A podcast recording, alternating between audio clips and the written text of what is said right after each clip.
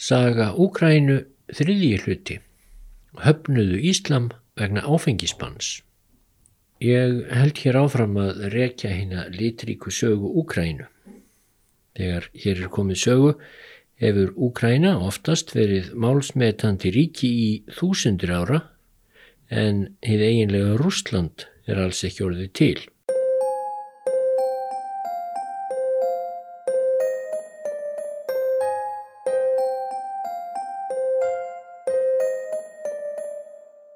Vegna þess að Úkræna er í sviðsljósinu nú í byrjun ársins 2022 þá fór ég að skoða sögu þessa ríkis sem reyndist vera lengri og fjölbreyttari en margan grunnar.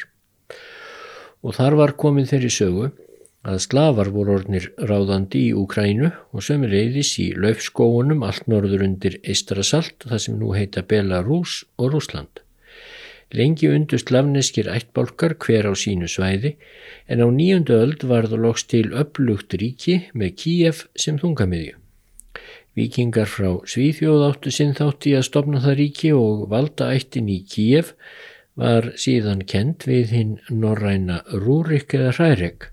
Hins vegar liði ekki nema örfáir áratugir þangu til Kíef var orðið slavnest ríki í húð og hár en ekki norrænt og það fór að tegja sig norðurinn í löfskóana og tók slavnesku ættbálkanna sem þar byggu undir sinn ægis hjálm.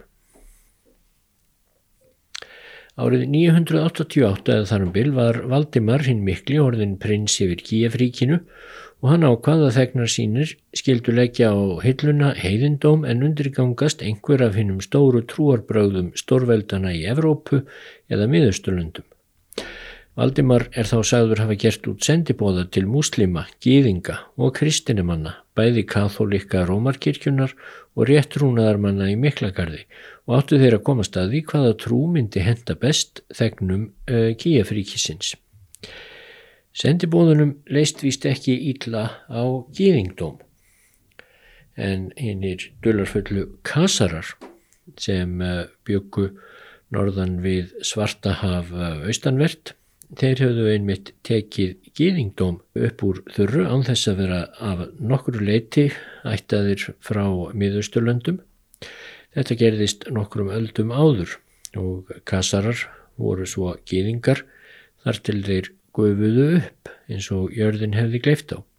En sendibóðum Kíafríkis leist sem sagt ekkert illa á gýðingdómin en þegar upprann fyrir þeim að Guði Gýðinga hafði svift sína eigin útvöldu þjóð heimalandi sínu og eh, gert fólk sitt að landlausum flóttamönnum, þá fannst sendibóðunum það ekki vera Guð sem hendaði fyrir nýtt ríki og sögðu neytak. Allah, Guð múslima, hafði séð sínum fylgismönnum fyrir miklu landi svo það var ekki vandamál, en þegar sendibóðarnir uppgötvuðu að Íslam bannaði áfengistrykju, þá var Íslam þar með úr sögunni. Þegar sendibóðar mætti svo til Rómar fannst þeim messuhaldið hjá páfanum svo leiðinlegt að þeir gátt ekki hugsað sér að afbera annað eins og þökkuðu enn fyrir sig og fóru, svo ekki urðu þeir kathólskir.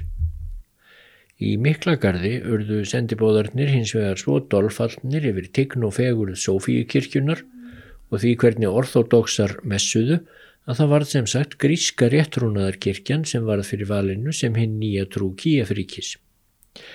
Ekki er ljóst hvað er hæft í þessari sögu. Tengsl Kíaf við Miklagarð höfðu lengi verið mikil en það var Kíaf á miðri vestlunarleiðinni millir Svartahafs og Istrasalts og svo millir auðugra veiðisvæða djúftin í skóunum og Miklagarðs. Það láð því rauninni beint við að Kíaf menn tækju trú Miklagarðsmanna. En eftir dauða Valdimars hins mikla 1015 tók við grimmileg barátta svona hans um yfirráðin í ríkinu. Eitt þeirra Sviatopolk aðnafni er sagður hafa látið drepa þrjá bræður sína í vonum að verða tröstur í sessi í hásætinu en hann fjell svo sjálfur í valin og þá kom Jaroslav bróður hans til valda.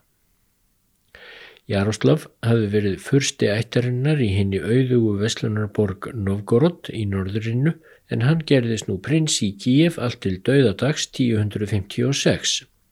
Jaroslav hlaut viðurnefnið hinn vitri og á hans dögum varð Úkrænuríkið, sem þó var enn ekki kallað Úkræna, stærst, öflugast og glæsilegast. Jaroslav let samræma lög og treysta innviði ríkisins margvíslega og hann let reysa glæsilegar Sofíukirkjur bæði í Kíef og Novgorod og hann gaf þrjár dætur sínar evrópskum kongum í vestri Haraldi Harðaráða Noregskongi, Andriesi fyrsta Ungverjalandskongi og Hinriki fyrsta Frakkakongi. Og sonardóttur hans gekkaði eiga Hinrik fjórða, keisara germanska veldisins frá 1084 til 1105. En með germanska veldinu er hér átt við það sem yfirleitt hefur verið kallað hið heilaga romverska ríki.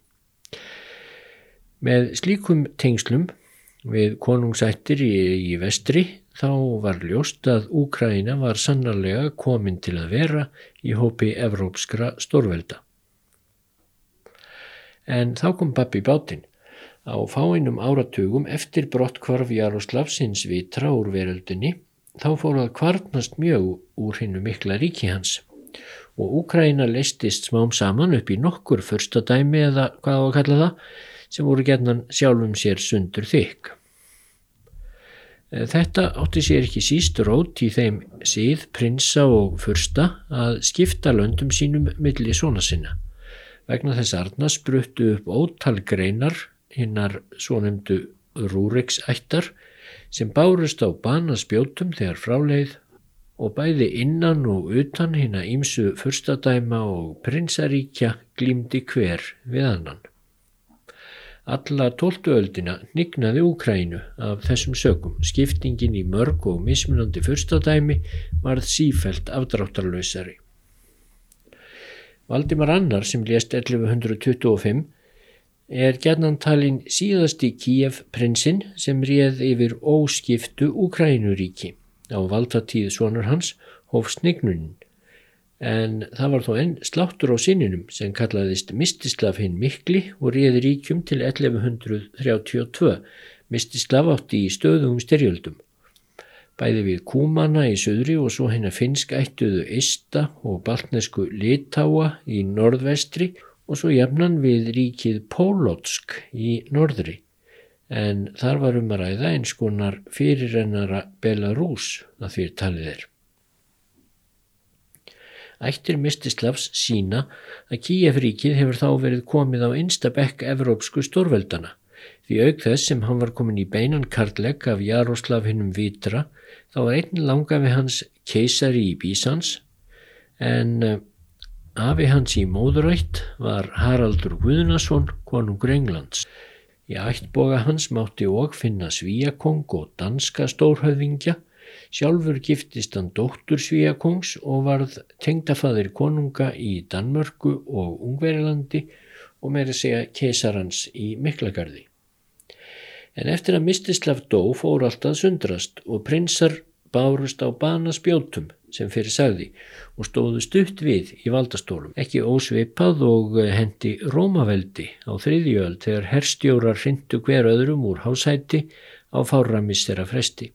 Það var svo um miðja þessa róstusömu tóltuöld sem fyrst heyrðist minnst á smáborgeina við Moskvufljót sem var áfangastadur á vestlunarleiðinni frá Novgorod sem taldist einhvers konar kaupmanna líðveldi og svo austur og suður með áni volgu.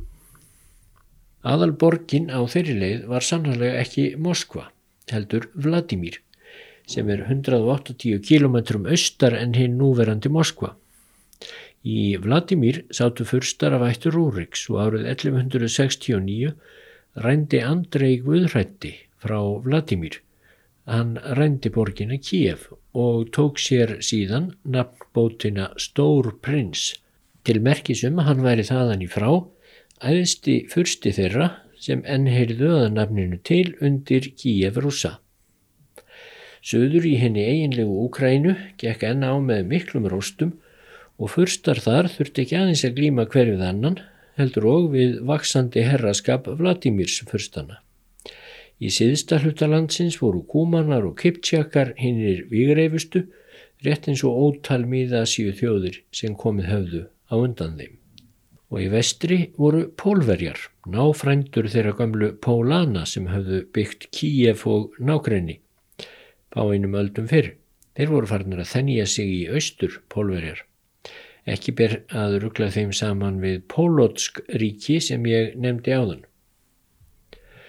En svo bætti ekki úr skák að hinn gamli vestlunarfélagi Kíef, Mikligarður, lauti duftið fyrir krossförum í byrjun 13. aldar og vestlunarleiðir fóru allar í höng. Kíef ríkið var nú orðið aðeins eitt af mörgum sjálfstæðum fyrstum eða prinsaríkjum á hinnur slavneska svæði þar sem nú eru Úkræna, Belarus og uh, Rúsland sjálft.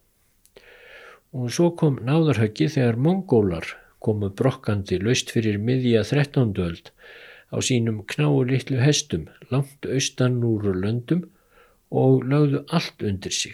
Frá innrást þeirra, segi ég setna, en það er auðvelt að halda því fram að með herverkjum þeirra hafi í raun verið lögð drög að þeim ólíku þjóðum sem enn í dag byggja annars vegar Úkrænu og hins vegar Rúsland.